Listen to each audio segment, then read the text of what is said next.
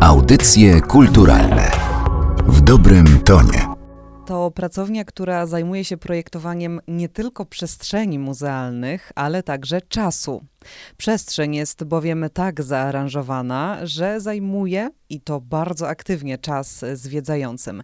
Katarzyna Oklińska, dzień dobry. Moimi Państwa gościem są dzisiaj Barbara Kłaput i Jarosław Kłaput z firmy Kłaput Project, pracowni założonej już ponad 20 lat temu. Dzień dobry Państwu. Dzień dobry, Dzień dobry. witamy.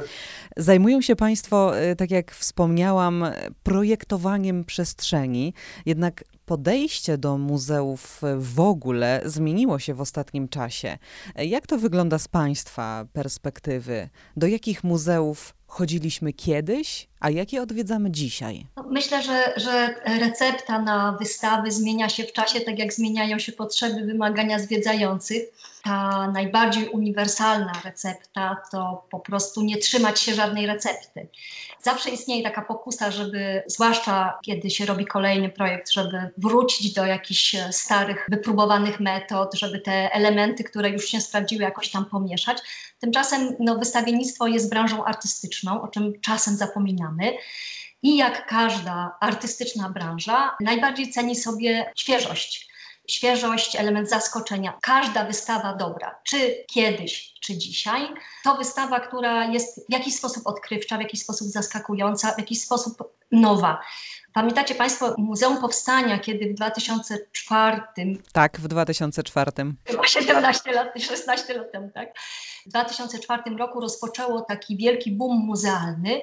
To właśnie było taką wystawą nową, zaskakującą, świeżą. To po raz pierwszy wówczas wystawa ożyła, wydostała się poza ten taki schemat zakurzonej witryny. Wystawa przemówiła obrazem, dźwiękiem, nawiązała relacje z odbiorcą poprzez emocje, poprzez jakby oddziaływanie na bardzo różne zmysły, także na dotyk. Można powiedzieć, że ten schemat wystawy narracyjnej nie zmienił się i ma się dobrze także dzisiaj.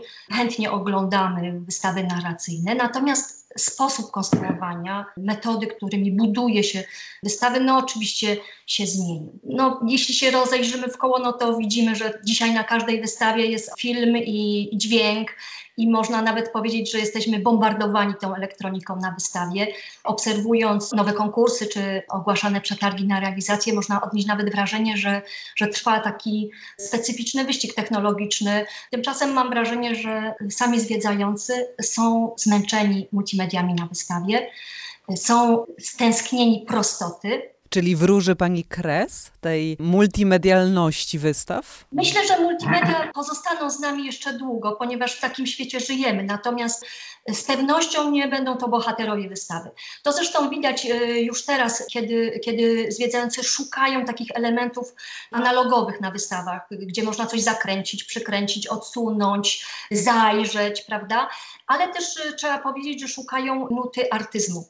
I, ważnym, i... ważnym elementem jest sprawa obiektu, czyli artefaktu, bo, bo kiedy nie mamy tego zdrowego balansu między kreacją, czy scenograficzną, czy multimedialną, a prawdziwymi obiektami, to wtedy sytuacja no, przypomina, stworzone takie wesołe miasteczko.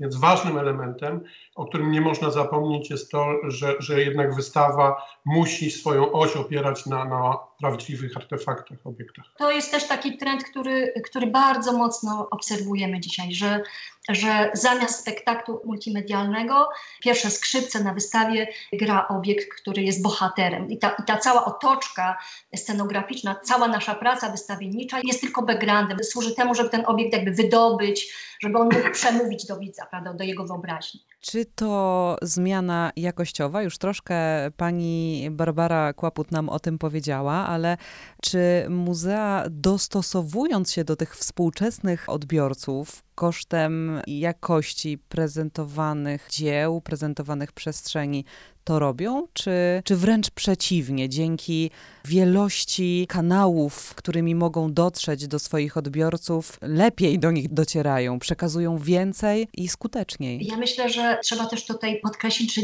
że dzisiejsze muzea to są zupełnie inne muzea niż 10 lat temu, prawda? Dzisiaj muzeum bardzo dba o zwiedzającego, bardzo chce odpowiadać na jego potrzeby często muzea to są takie mini centra kultury, prawda, gdzie mini społeczności, mini wspólnoty, gdzie gromadzą się ludzie o podobnych zainteresowaniach, fachowcy. I to nie są miejsca martwe, to nie są miejsca puste. Wydaje mi się też, że przez te naście lat zmieniły się też nasze wymagania, wzrosły nasze wymagania, jeśli chodzi o, o estetykę, prawda? My otaczamy się piękniejszymi rzeczami, zwracamy uwagę na, na dobry design, więc tego też szukamy w muzeach. Ale musimy wrócić do tego, co było kilkanaście lat temu. Już Państwo zaczęli o tym mówić. Muzeum Powstania Warszawskiego. Współtworzyli Państwo projekt tego muzeum to muzeum zrewolucjonizowało absolutnie rynek muzealny, jeżeli możemy go tak określić, w Polsce. Wprowadziło rzeczy, o których do tej pory nie śniło się filozofom, ani zwiedzającym i odwiedzającym muzea. Wyszli Państwo z pokazywania przedmiotów w gablotkach i pozwolili zwiedzającym dotykać, uczestniczyć, chodzić po ulicznym bruku, wchodzić w kanały, tak jak powstańcy warszawscy. Gdy wchodzimy do Muzeum Powstania Warszawskiego, czujemy się uczestnikami powstania warszawskiego. Brzmi to przerażająco. Jest to przeżycie absolutnie poruszające. Jak do tego doszło? Jak zauważyli Państwo, że jest taka potrzeba stworzenia takiego muzeum, które zapoczątkowało zmiany w muzealnictwie w Polsce? To już było dawno, ale, ale można powiedzieć tak, że zebrało się kilka osób, które, które pracowały nad tym projektem. Każdy trochę było z innej strony i złożyliśmy pewien cały puzzle i on dostał oprócz tego, co zwykle w przestrzeni muzealnej, czyli to, co widzimy, on dostał różne elementy, których wcześniej, tak jak mówiliśmy, czy dźwiękowe, czy multimedialne, które wtedy nie były wykorzystane. No i ten miks, konglomerat no, dał taki efekt, że nawet jak po latach idę do tego muzeum, prowadzę znajomych, to mimo wszystko to muzeum dalej się broni, więc jest całkiem nieźle. Ważne przy tego typu pracach jest pewnego rodzaju pokora, bo trzeba nakreślić sobie cel, trzeba znać myśl i ideę tej opowieści, tej narracji, którą chce się przeprowadzić.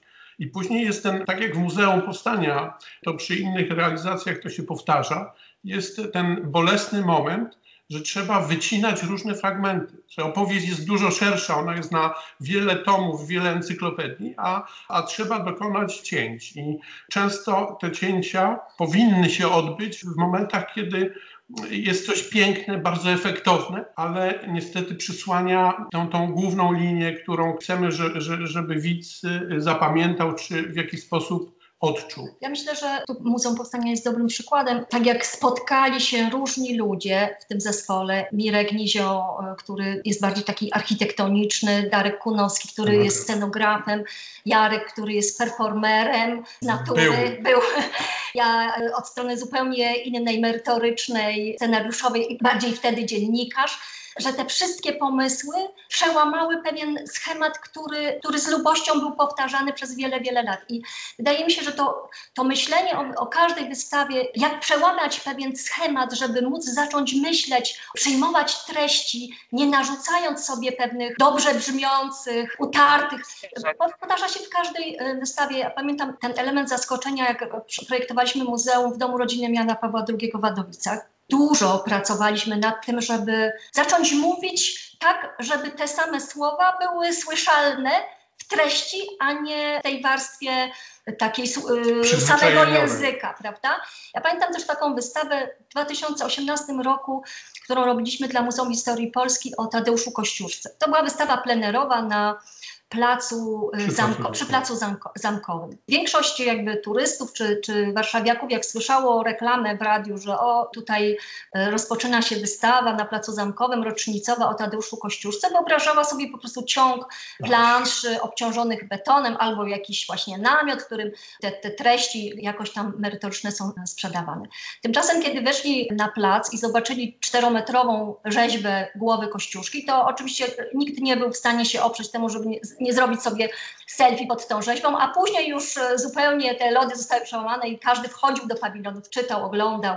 Więc to jest jak znaleźć sposób, jak znaleźć język, żeby zwiedzający na nowo zobaczył wydarzenia, na nowo zobaczył postać, na nowo zobaczył treści, które się chce mu pokazać. To jest taki trochę haczyk, ale on jest bardzo, bardzo ważny. Jak już słyszeliśmy, wymienili Państwo wiele muzeów i wystaw, które współtworzyli. Jest ich naprawdę całe mnóstwo. Oprócz tego, co już słyszeliśmy, jest także Muzeum Sportu i Turystyki w Warszawie, Spichlerz Polskiego Roka w Jarocinie, czy Muzeum Azji i Pacyfiku też w Warszawie, ale są to również wystawy stałe i czasowe w wielu miejscach w Polsce, a także za granicą. Czy mają Państwo swoje ulubione, takie ukochane miejsca, do których wracają choćby wspomnieniami? Generalnie można powiedzieć, że mamy. Praca nad wystawą, wystawa to jest jeden element, a, a pamięć o, o, tej pracy i spotkanych ludziach, bo, bo może trzeba powiedzieć tak, że ciekawe w naszej pracy jest to, że robiąc różne tematy, podejmując się różnych opowieści,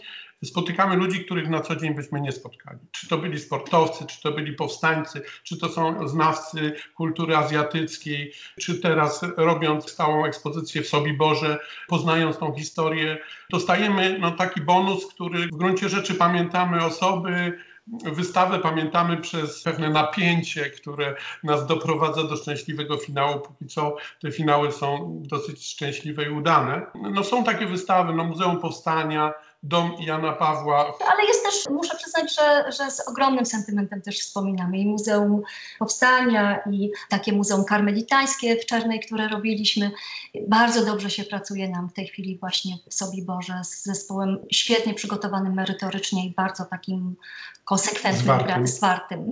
Z jednej strony powiedziała Pani, że bardzo dużo czasu zajęło przygotowanie Muzeum Jana Pawła II.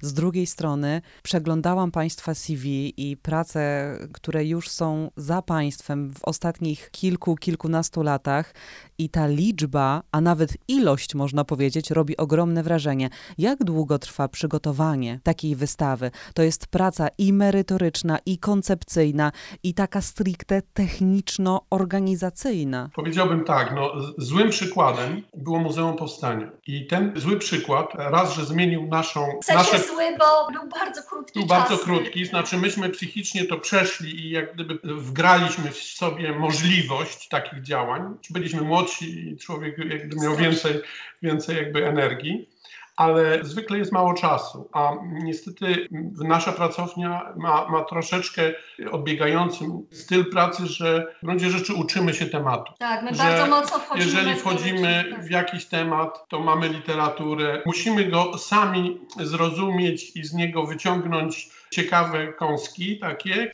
I poczuć. Tak, tak, bo inaczej jesteśmy w stanie zrobić wystawę dobrą, równą, ale szukamy, nam ją pokochać. szukamy czegoś, co spowoduje, że, że i ale, nam się podoba. Ale to jest bardzo ważne, dlatego że czasem słyszymy od, o, po prostu od ludzi, że jakby po naszych wystawach widać, że my robimy je z pasją, ale my robimy je z pasją właśnie dlatego, że, że musimy się sami poczuć jak widz.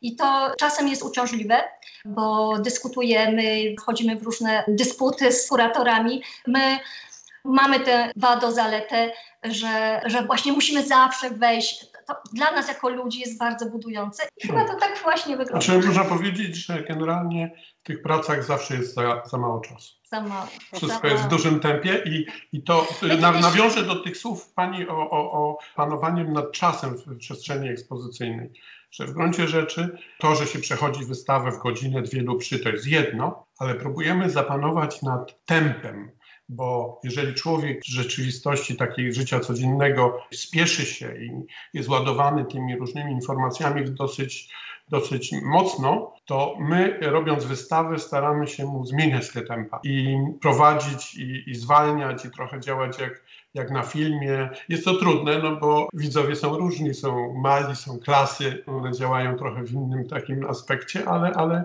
niekiedy to się udaje. I tą nutką tajemnicy kończymy nasze dzisiejsze spotkanie. Ja nazywam się Katarzyna Oklińska, a moimi Państwa gośćmi byli Barbara Kłaput i Jarosław Kłaput z firmy Kłaput Project. Bardzo Państwu serdecznie dziękuję za to spotkanie. Dziękujemy. Dziękujemy.